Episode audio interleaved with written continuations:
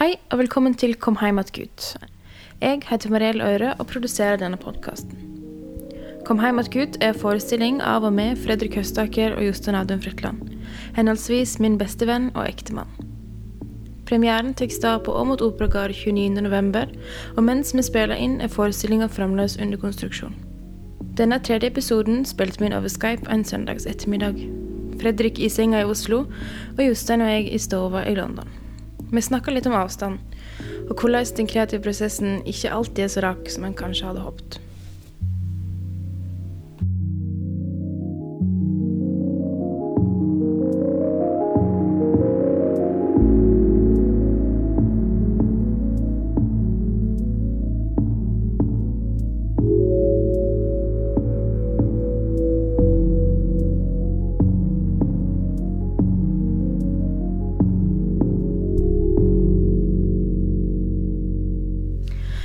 Hvordan går det egentlig med skriving og hele?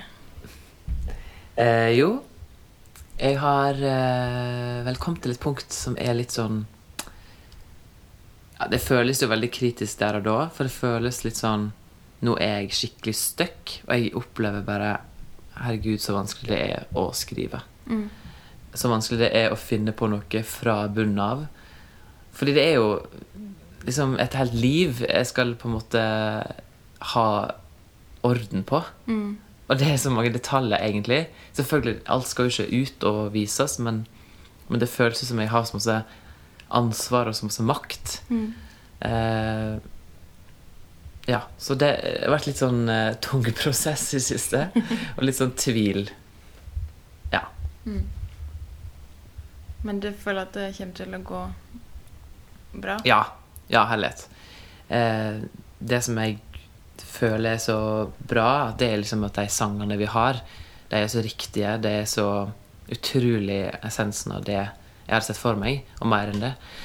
Um, ja, så vi er jo absolutt på vei, men jeg tror det er liksom det her eh, Dalene som jeg snakka litt om tidligere, at man er plutselig veldig oppe og er kjempegira, og så kommer det tyngre perioder, og så Ja. Sånn er jo det. Mm, men jeg syns det er interessant å høre om Det er noe som jeg ikke har tenkt på På en måte at etter hvert som en får mer respekt for karakteren, og karakteren får mer integritet, så blir det òg vanskeligere å skrive. Mm. Skrive rundt, Ja. på en måte. Ja, det er det. Og i starten så var jo egentlig veldig mange ting i historien ganske sånn absurde. Det skulle, det skulle være rarere og litt sånn Litt annet univers. Men så har det blitt mer og mer realistisk.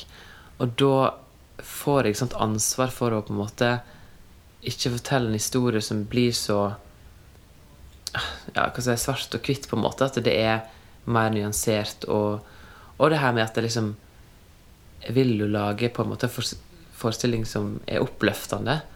Selv om jeg ofte sjøl tenker at det, Nei, hvorfor er det alltid liksom så happy ending, liksom? Men så kjenner jeg på en måte ansvaret på at jeg vil jo at det skal være et håp, eller være en sånn god, varm slutt, på en måte. Mm. Eh, ja. Jeg vil, jeg, jeg vil jo aldri det. Jeg, jeg hater jo happy endinger. Det er jo mine absolutt verste ting. Ei- udelt happy ending er for meg det verste som kan skje med ethvert et hver dramatisk verk. Jeg tenker at det er en happy ending og liksom um, Den der varme følelsen en kan ha etter en har gått ifra en forestilling. Det er ikke nødvendigvis det samme. Altså, en kan føle seg liksom håpefull og Og liksom Jeg vet ikke Kjenne seg glad på vegne av de en har blitt kjent med, selv om det Ja. liksom ikke er sånn Så levde jeg lykkelig alle sine dager. Jeg syns det er veldig interessant den, eh, den eh, liksom spenningen mellom eh, det realistiske og det absurde i et sånt type stykke. For det er jo ganske typisk at en starter ut med, med på en måte en sånn kreativ ting der det er masse absurditet, og så eh, Og så Og så etter hvert som jeg begynner å jobbe med det, så er det sånn Nei, men det her er ikke plausibelt. Det her det her kommer ikke folk til å akseptere. Her kommer det til å liksom stoppe opp. Det blir for rart. Og så må man la liksom dra den inn mot, den, mot det virkelige livet. Og så kan det hende at en når et punkt der en syns det blir for virkelig og vil ta det et stykke ut igjen og komme på at den er på scenen. Altså, jeg tenker at det er ganske naturlig å liksom ha en sånn dragkamp der. Ja. Og så er det jo på en måte én ting med historien i seg sjøl, hva som er eh, lett å kjenne igjen i, hva som blir for absurd. Men så er det òg hvordan vi gjør det scenisk. Der har vi jo veldig masse frie tøyler og kan gjøre ting som er helt sånn merkelig, men likevel gir mening, da. Um, mm. Jeg begynner jo å se det for meg nå, sånn faktisk se det for meg dette.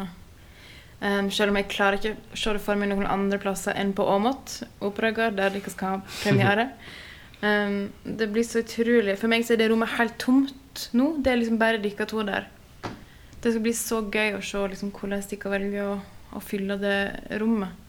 Jeg vet jo at dere har tenkt litt på det i det siste, uh, med kostyme og scenografi og sånt. Men hvor, hvor langt føler dere at dere har kommet der med liksom både sånn å tenke det, men også sånn det praktiske rundt det?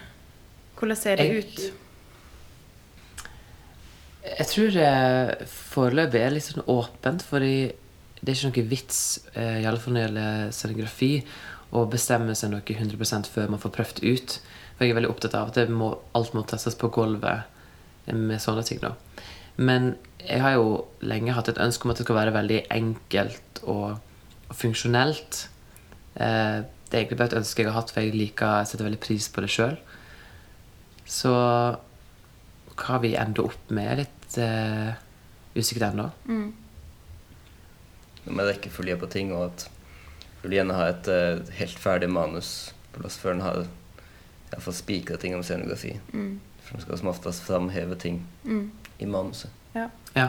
Men det var veldig leilig å uh, være på møte med Synne, som nå sikkert kommer til å være vår kostymedesigner. Og da var det liksom Wow, det her løfta seg med en gang. Mm. Begynte å snakke om det, og hun var så gira på prosjektet òg, og det satte så utrolig pris på. At hun for det første kjenner seg igjen i tematikken, men òg syns det er kult at vi gjør det her. Og at hun får lov til å være med og er ønska og alt det der. Så jeg er veldig spent på hva skisse hun skal legge fram nå i dag eller i morgen. Ja, det er jo plutselig liksom en, eh, en veldig visuell person som blir innblanda. Som Ja. jobber kun på visuelle eh, impulser, på en måte. Ja, veldig. Og som er skapa òg en helt ny dimensjon da, til denne personen, som de kan prøve å fremstille liksom, som en fyldig karakter. Ja. Og jeg er veldig åpen for eh, masse når det gjelder det visuelle, fordi jeg tenker hvis det er noe i teateret man kan få lov til å gjøre, så er det nettopp å boltre seg i, i sjuke og merkelige visuelle uttrykk eh, som filmen ikke har på samme måte. Um, for jeg syns det er så kjedelig å være på teater der alt skal være så innmari realistisk, og alt er bare det samme. Man, har ikke noe, man får ikke frihet som publikummer å forestille seg noe eller å bli overraska, egentlig. Der har jo på en måte filmen på en måte frigjort teatret til en viss grad, fordi at eh, etter at filmen liksom de siste 20-30 årene har blitt så vanvittig realistisk, eh, så har på en måte det gjort at folk ikke aksepterer sånn det nesten realistiske teatersett i så stor grad. Mm. Så dermed så er det på en måte nå mer nærliggende å gå vekk fra det helt naturalistiske i teatret, fordi at det veldig ofte så vil det bare framstå som, som litt sånn litt mislykka etterligning av filmsett. Ja, mer sånn Ja, lågbudsjettversjon, liksom. lågbudsjettfilmer, Mm. liksom. Ja. Fjernsynsfilm. Mm. ja, absolutt.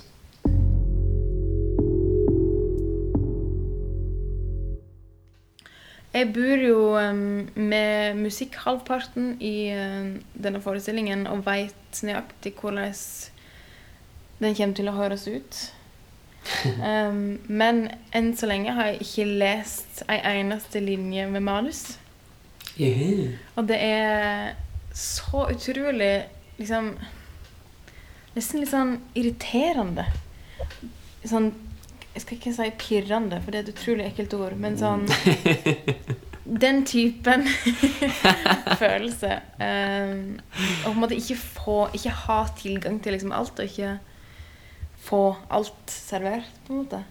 Um, men føler dere sjøl at de ikke har liksom, begge to innsikt i hverandres sin jobb akkurat nå, eller er det mer sånn Dere, en lager kake, og den andre lager glasuren, og så ser dere om det passer i lag til slutt? Hvor mye prater dere om musikken og manuset sånn med hverandre? Hmm. Ja, altså Både ja og nei, fordi at eh, jeg får jo høre med en gang når Jostein har lagd, skrevet, komponert en ny sang. Um, da har jeg jo fullt innblikk i det, men hva han ser for seg alt imellom og som helhet, det har jeg mindre kontroll over. Og ha, på samme måte så har jo han Han ser jo det her Google-dokumentet som jeg driver og oppdaterer eh, hele tida. Eh, hva jeg driver og surrer med. Men samtidig så Det han ikke har innblikk i, det er jo på en måte alle tankene han har Nei, jeg har selvfølgelig om det å stå på scenen der og skulle på en måte fortelle alt det her fra A til Å. Eh, alle de tankene jeg har som skuespiller, og alle den frykten som ligger bak det. og føler plutselig at jeg er så naken som aldri før. Det her er så skummelt og sånne ting. Så den oversikten har ikke han, tror jeg. Nei, det tror ikke jeg heller. Nei. Nei, altså, jeg, jeg, jeg er jo en veldig en utpreget tekstperson. Eh, som eh, jeg, har, jeg har lest langt flere skuespill enn jeg har sett, antakelig. Så, så jeg Mm. typisk sånn Jeg er jo alltid opptatt av, av teksten. På papiret. Teksten på papiret, ja. Så jeg eh, tenker mer på den enn på, eh, på uttrykket på, på scenen. Mm. Ironisk nok så jeg skriver musikken, men ja. Ja, er det lett for deg Jostein, å glemme at Fredrik må stå der og framføre? Nei, hva er sånn? Jeg bare tenker på du skal jo måtte spille musikken. Mm. Men sånn som jeg snakket om i en av de forrige episodene, så er du på ingen måte like uh, naken som Fredrik. Um, nei. Men uh, vi har på en måte hver vår jobb, så det er ikke noe eh, Jeg tenker veldig mye på annet enn at jeg selvsagt er veldig bevisst på eh, når jeg skriver musikken, at den skal være grei å synge, og, og den liksom skal Jeg funke til Fredriks sin stemmetype og alt sånt. Det er jo Mm. Som, eh, det er at til, liksom regel at hvis jeg greier å synge det litt stygt, så greier Fredrik å synge det rimelig fint. Men vi får, nå, vi får nå se, eh, for jeg hadde jo et ønske til Synne om at du skulle være helt naken, da. Så At Jostein skal være. ja. Det ønsker jeg meg òg. Hadde du sagt ja til det? Hadde du sagt ja til å spille piano naken i en musikkteaterforestilling? Spille piano er ikke en god look eh, for naken. Blir folk sånn lutrygga og Ja, det er liksom eh, det, det blir bulke der det ikke trenger å være bulke og sånn. um, det, det skulle nok være veldig veldig godt kunstnerlig motivert for at de skulle være naken på, på en pianokrakk. Kanskje Helt enig. ikke dette stykket. Ikke dette stykket, nei. Nei. Det- Det kan være veldig provoserende å se på folk som skal være nakne på forestilling. Bare fordi Ja. Mm. Ja. Det er så sterkt med naken kropp. Utrolig sterkt. Sterkt. Fordi alle har, alle har ikke det, sant? Mm.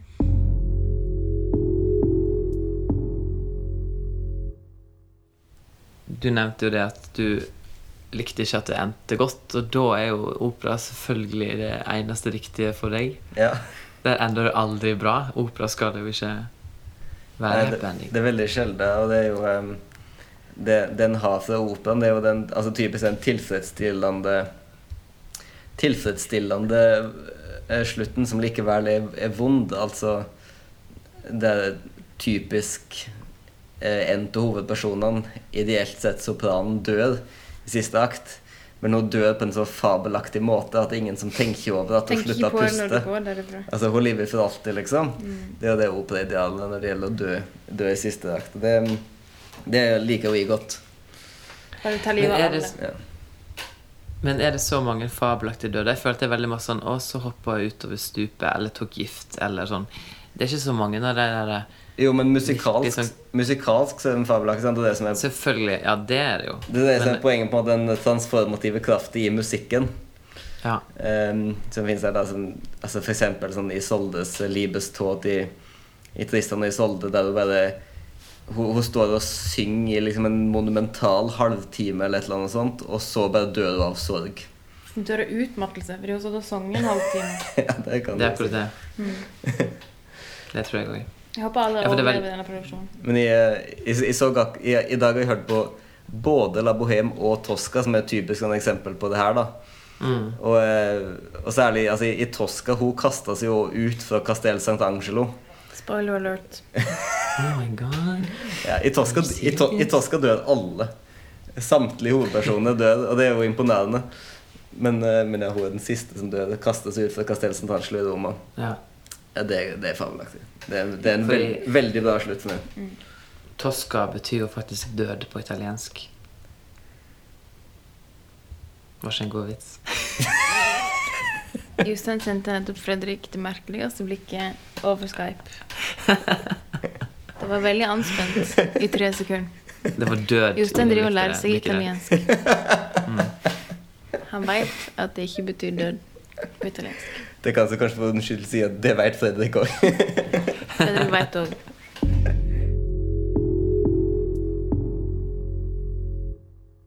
Men eh, jo, men altså, den store dramatikken, det er jo Ja, hva skal man si? Det er Man har jo veldig lyst til at det skal være svært og omfattende og viktig, samtidig som det skal være nært og tilgjengelig og for alle, på en måte. Det er en vanskelig eh, eh, balanse. Mm. Ja, men jeg kjenner òg Jeg kjenner meg igjen i det som skrivende person at etter hvert som en skriver ut um, en karakter, så blir det vanskeligere og vanskeligere å gjøre vonde ting mot deg. Og det blir vanskeligere å på en måte framstille deg i et dårlig lys. Og det føler jeg at preger litt den siste veka i liksom tumulten i um, tankene i liksom hva som skal skje da, i dette stykket. Ja. Det er fortsatt helt rått. Eh, Det er fortsatt helt åpent hva som kan skje. Vi, trenger, vi skal selvfølgelig ikke gå inn i eh, hva som skal skje i stykket, for det, eller mer enn gro, i grove trekk. Men jeg syns det er mm, spennende å se bare sånn underbevisst, da. Hva det er som skjer når en begynner liksom å virkelig bry seg om noe, pluss oppå det liksom reality-checken om at dette må framføres, dette må føles liksom eh, som noe helt. Mm. Altså i, Ja. Generelt sett så er jo um, Jeg er veldig tiltrukket av plott og karakterer som er Som er drevet av ting som de ikke Som de ikke helt forstår sjøl, eller som, om de, som, om de, som de blir klar over eventuelt til en viss grad utover i et verk. Men, men når jeg tenker karakterer og plott, så er det veldig sjelden at alle er klar over eh, sine egne på en måte motiv, iallfall ved starten av stykket. Um, fordi at det er sånn jeg opplever verden, egentlig. Tror jeg, altså at, at jeg opplever at veldig mange sier at de vil og tenker en ting, og så ser du handlingene deres, og så peker de i en annen retning. Mm. Og det er den typen Derfor er det den typen dramatikk som gir på en måte et tiltrykk og det er den som virker virkeligst for meg. Selv om det av og til fører til dramaverk som kan virke mindre realistiske enn en der folk har enklere, enklere motiv og enklere agencies, som det heter på engelsk. Mm. Jeg vet ikke hva man kaller det på norsk. Men mener du Agenda. Du vil at karakterene skal liksom ha en en eh, fastsatt situasjon, men gradvis sjølinnsikt? Det er ikke noen, ikke noen regel for det, men at, at en har et at en som skriver har et tvisyn på måten en framstiller karakterene på, det er jeg veldig opptatt av. Mm. at den, at den kan gjerne liksom, Og de kan gjerne mene godt og alt sånt, men at den på en måte ser at, at det en dobbeltheit mellom det de eh, tror de vil, og det de tror de, tror de gjør, og det de faktisk gjør, at den hele tida er synlig. Og det, men det er jo veldig, typisk sånn på en måte operatenking, altså fordi at i, i en i en operasetting så har, du, så har komponisten alltid alltid liksom muligheten til å kommentere. Sånn at da har, du, da har du alltid en karakter som sier noe. Men så kan komponisten hele tida kom kommentere det som han vil. Um, sarkastisk, han kan støtte opp om det, han kan gå direkte imot det. Altså, det er hele tida Det tvisynet er alltid på plass. Det, det er liksom eh, fugleperspektivet på, på handlinger. Du har mye makt, mener du? En har, en har en del makt, men ikke bare makt, men en har på en måte alltid um, Det er alltid en ekstra dimensjon, da. Mm. Og den leter jeg etter i all dramatikk.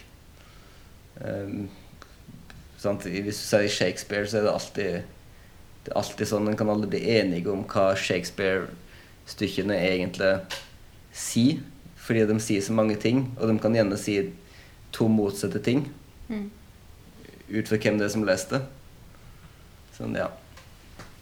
Ja, det er absolutt. Um, det er det som gjør karakterene spennende, at det har ehm, masse motstand, både personlig, ehm, psykisk og med både vær og vind og folk der ute og samfunnet og alt på en måte. Når det er konflikter på alle de nivåene, det er da liksom det er så mange ting som er spennende, da. Og at en kan bestemme seg for noe og si noe høyt, og så gjør man ikke sånn som man har sagt det.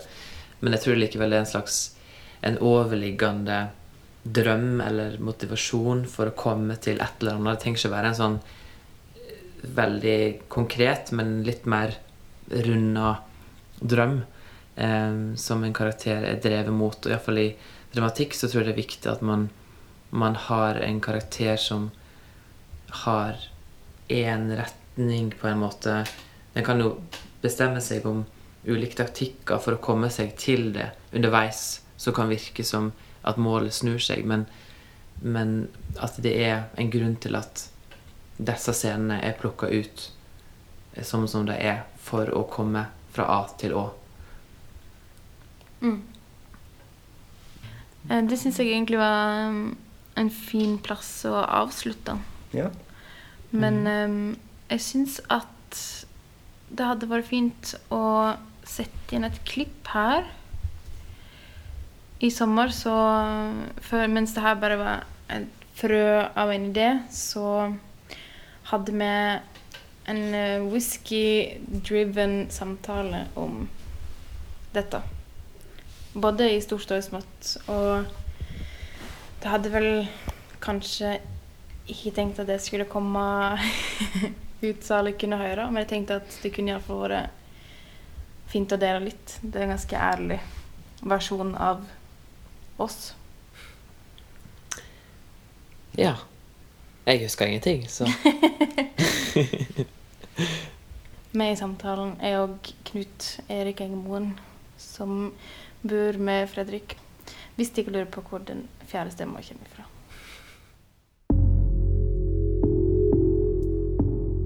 Fredrik. Kom hjem og Gud. Hvor er, kom ideen ifra? Nei um, Hvor kom den fra? Jeg var, liksom, jeg var veldig keen på å lage liksom, en, en egen forestilling der jeg på en måte bare var meg og en annen. på en måte liksom, Man kunne liksom Ja Bidra noe i heim, heimplassen min, på en måte. Og så jeg var egentlig bare litt sånn der jeg leita rundt i hylla mi på soverommet hjemme før det, og så, og så bare lå jeg liksom lenge på natta og liksom tenkte. Så var det klokka sånn tre-fire, og så kom liksom ideen For jeg, jeg hadde på en eller annen måte tenkt på ei hytte. At jeg ville liksom bruke hytte fordi det har på en måte vært viktig for meg i min barndom og mitt liv, på en måte. Den tingen med det. Mm. Og så kom liksom bare ideene med liksom eh, å komme hjem igjen eh, og hytte. Og så bare begynte jeg å skrive på det midt på natta. Og kom bare på en måte sjukt masse ideer. Mm. Det var sånn flom av ting. Natta. Ja, men virkelig. Det er jo sånn jeg ofte fungerer. Det er jo om natta, liksom. Jeg Eh, Mm. jeg liker veldig godt uh, at uh, du var Helt åpenbart da, da du skrev den, så var du litt sånn høy på det sjøl, fordi du skrev inn sånne liksom det vitser til deg sjøl i, i det manuset, eller Ja, ja. i, i de notatene, som var, som var litt sånn Artig, Fredrik. Det er sånn Det eh, har jeg ikke et godt eksempel, men det var vel sånn det var et eller annet sånn Takk Gud. Ja, Jeg, jeg det? skrev sånn der eh, Tanken er at jeg man kan, man kan mime Ja, ja, ja. ja. eller han, handlinger, på en måte. Det må ikke, alt må ikke være rekvisitter. Mm. Men det skal ikke være mimeteater. Takk Gud. Det stemmer. Mm. Bare sånne, sånne småting. Bare sånn der jeg tenkte sånn Tenk så gøy det hadde vært hvis dere hadde skrevet manus, og det gjennomgående var sånn parenteser med sånne der kommentarer. Interne For liksom som bare være sånn Yes. Vi skjønner hvem han er som har skrevet. Mm. Liksom. Ja. Jeg skrev nesten det manuset til noen andre. virker det sånn.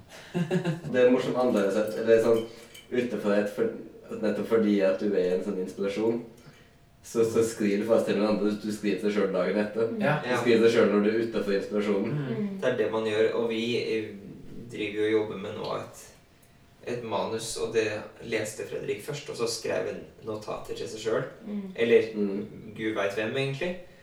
Eh, og det var så artig, for jeg leste gjennom det manuset her eh, i forgårs. Mm. Og så står det sånne kommentarer som om det er til noen andre. Det Mm. vitser med det som står. Det står sånn Oh my God og sånn. eh, Sånne kommentarer til replikkene. Men jeg tror det er sånne ting som eh, Jeg vet ikke, føler det er veldig typisk Fredrik å liksom ta over um, et materiale og tenke at det her er bare til meg. ja. Men bare sånn der, det, men, men, Gud. ja, men ikke sånn, men at du Kanskje litt sånn, men, men sånn der, det her er mitt. Så det spiller ingen rolle hva en skriver, for det er jeg som skal lese det. for det handler om meg, liksom. Mm. Men det er det jeg lurer litt på med, med Kom hjem att Gud, fordi at du er jo liksom Du er jo ikke fra en gard. Nei. Du er jo ikke liksom fra en sånn her kom heim-kultur, egentlig. Sånn liten, en liten bygd. Nei, du er Nei. jo liksom fra Førde. Ja. Storbyen i Sogn og Fjordane. Ja. Um, som Jeg føler at der, det er ikke liksom like sterkt som kom heim-kultur som det kanskje Nei. er inn på mindre plasser med liksom mer gards- og odelskultur. da. Mm. Um, så jeg bare liksom har tenkt på hvor den impulsen kom ifra. Om det liksom var helt fiktivt, om det var påvirka av noen andre, eller om, om du faktisk føler på et sånt press for å komme hjem og flytte hjem til Sogn og Fjordane. Hmm. Ja. Nei, altså, jeg tror egentlig bare at jeg føler litt på sånn her eh, Det å komme hjem til en sånn lita bygd Jeg føler jo litt siden på en måte Jeg føler at Førde er ganske lite. Selv om det er stort i forhold til for Lærdal, liksom, så er det ja, større enn det, men det er fortsatt en liten plass. på en måte. Men, men ja, jeg føler ikke den der samme sånn derre at folk går ut i bygda og snakker med meg og sånn 'Ja, skal ikke du komme hjem?' Det er ikke sånn i Førde, på en måte. Det, er du har ikke den der liksom kjerringa på nabogården som kommer bort og spør, liksom, eller det, det er ikke det samme communityen, liksom. Nei. Fordi de fleste naboene der jeg er fra, sant, der er jo liksom nesten alle flytta ut i Mm. andre leiligheter. Så det, og det er liksom trist, da, fordi jeg skulle liksom ønske det var liksom samme grenda som jeg vokste opp i. Men Men Er, er, du- er du misunnelig på Er du på noen som oss, liksom? På, på et eller annet nivå? På den måten? Ja, på en måte så er jeg jo det. Fordi på en, altså, sant, når jeg vet at liksom, det har gått bra med meg som kom fra Førde, på en måte. Og det like, altså, jeg var ikke fra en så stor skole at jeg følte jeg hadde sånn At jeg møtte mine folk eh, For jeg ofte tenker sånn at når man er fra en sånn stor ungdomsskole, så møter man alltid sine folk. på en måte Det var sånn at jeg følte at jeg var sånn Yes, her er mitt miljø. Så jeg kunne like godt på en måte vært fra Lærdal eller på en måte Mm. fortsatt Du ville alltid vært den liksom. rare, uansett Ja. hva slags ungdomsskole Ja, ja, ja. Og så er det med deg i lufta, liksom. Mm. Det, det er jo Det er sånn én person på hver ungdomsskole. Ja, jeg, tenker på en måte veldig sånn Med det der at alle oss um, uh, fjongningene som Altså at jeg er ekstremt lærdøl, og at du er ekstremt årdøl. Og at eksempel Janne er veldig Mm. og, og Balestrandgjengen er ekstremt balestrand. Altså, yeah. At alle oss på en måte har bygdene våre med oss i en kan, mer utapå enn du har Førde med det, liksom. Mm. At det, det, det er ganske annerledes. At, at Ja. du på en måte bærer mer av hele fylket. Sånn, med en generell sånn SFI-identitet. Lappeteppe. Ja, et lappeteppe av heller enn en, en akkurat Førde, da. Mm. Fordi at oss andre har det så Ja. sjukt utapå huet, liksom.